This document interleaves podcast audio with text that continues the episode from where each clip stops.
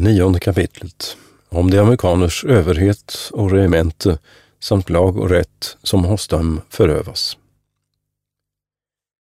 De amerikaners regemente angående så består det där uti att de hava en överste eller konung över sig, den de kalla sakeman, vilken genom arvsrätt därtill var det befordrat och det mest av möderne.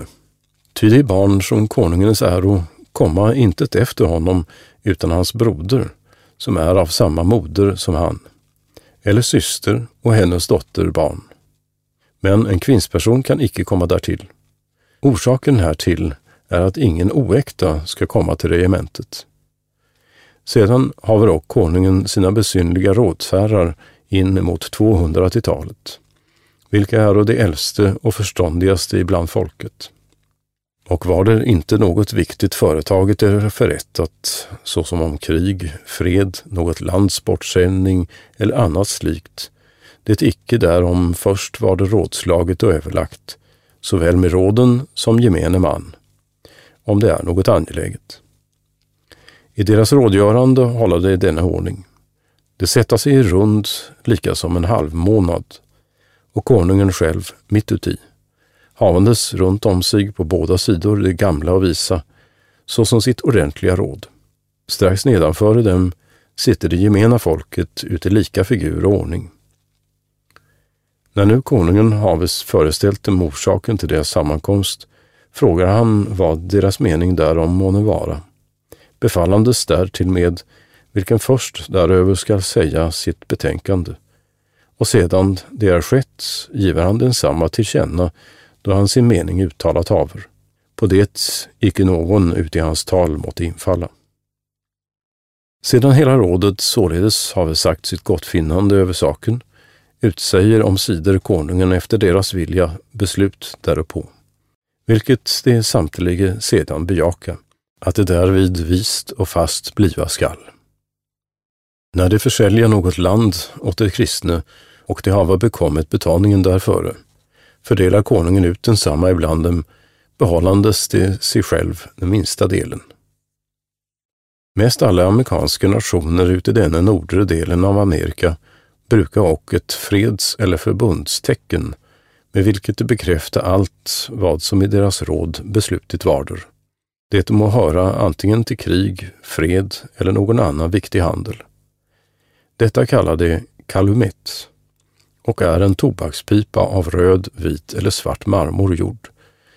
Dess huvud är utav en skön röd, väl polerad sten. Själva pipan består av en tämligen stark rör, halv tredje sko lång och är beklädd med en hop fjädrar av åtskilliga slags färg samt med snören av kvinnfolkshår på åtskilligt sätt utsirad. Varvid dock satte är tvenne vingar nästan på sådant sätt som man Merkuris stav här målar plägar.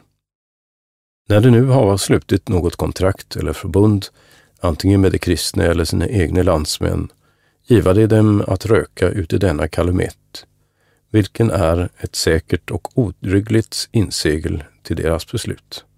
Hållandes det därför att om det skulle bryta, som det således bekräftat, skulle dem därför stor olycka överkomma. Den som något vill resa omkring ute i Amerika måste sig i en väl en sådan kalamet förskaffa, ty när den framvisades märka hedningarna strax att han är fredlig. Och om det då sin däremot uppvisa kan han säkert komma fram och tala med dem. Gäva det och honom röka ut ur sin kalamet, så låter han dem röka ut ur sin igen och då är det fullkomliga om varandras tro och vänskap försäkrade. Varom Ludvig Hennepin uti sina amerikanska beskrivningar upp åtskilliga rum vidare förmedlar. När dessa barbarer skulle utvälja någon till konung, så ser de icke så mycket på den som genom arvsrätt därtill närmast vore, utan fast mera på den som därtill bäst och skickligast finnes varas. Vilket jämväl skönjas kan av det som Frans Pastorius ut sin beskrivning om Pennsylvania införer, därest han således skriver. En gång besökte konung Kalkanica vår guvernör William Penn och visste där ha för stor inklination till den kristna religion ute i sitt hjärta. Han vart då oförmodligen hos oss av opasslighet betagen, resolverade dock när oss att förbliva, och efter hans krankhet mera tilltog lät han till sig kalla sin broders son Jakosol och förordnade honom uti åtskillige såväl i våras som sinas närvaro till konung i sin stad. Med följande ord. Min broders son, i denna dagen övergiver jag dig, mitt hjärta, i ditt bröst. Jag vill att du älskar det som gott är, umgås med gott sällskap och håller dig ifrån det som ont är och flyr illakts umgänge. Och när någon förhandling sker, så tala du intet först, utan låt alla först tala för dig, och giv grann akt på vad var och en säger. Och när du haver allt hört, så håll tid vid det som rätt och gott är, så som och jag gjort haver.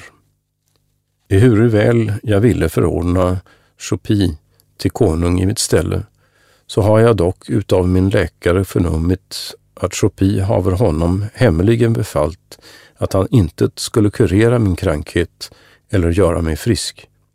Och när han var med mig ute i Hallingskedas hus, haver jag själv sett att han var mera till dryckenskap benägen än till att höra mina sista ord. Därför har jag och uppsagt honom att han inte skall bliva konung efter mig, utan haver dig, käre broders son, i hans ställe utvalt.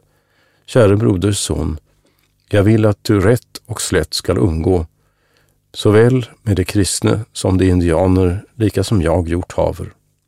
Jag är nu ganska svag, därför kan jag intet mera tala. Och strax efter det talet avled han från världen, vilken hos förbemälte pastorium pagina 43 läsas kan. Deras rättighet som hos dem förövas beror mestadels i böten, ty när en bedriver någon missgärning med mördande eller på annat sätt, så kan den med en måltid eller något annat ringa försonat varda. Men om en kvinnsperson blivit dräpen, måste det dubbelt så mycket givas för den som för en man, efter hon har kunnat föda barn till världen, det en man inte kan. Det träta eller slås mycket sällan sinsemellan, så framt ikar och druckne, och om skönt det då sker, så giva det dock var annan strax till igen, sägandes att inte mannen utan druckenheten haver misshandlat. När någon hos dem blivit dömd till döden, som dock sällan sker, går konungen själv ut till att söka honom, emedan det icke hava något fånghus, utan missgärningsman håller sig alltid undan i skogen. Och när han igen finnes skjuter konungen först efter honom. Och vilka som därnäst träffar honom till döds, han blive därför högt uppsatter, såsom till hövitsman eller annan krigsbekänt. Om någon av det ena amerikanska nation slår någon ihjäl av den andras, så skickar han strax en av sina underhavande till densamma nation och låter nedlägga en av dem igen, varigenom då strax gemenligen förorsakas krig dem emellan. Vidare, någon rätt eller lag hålla det intet, utan i vad måtto någon oskäl den ena av den andra kan vederfaras, så hämnas det strax på varandra lika lika mot lika igen.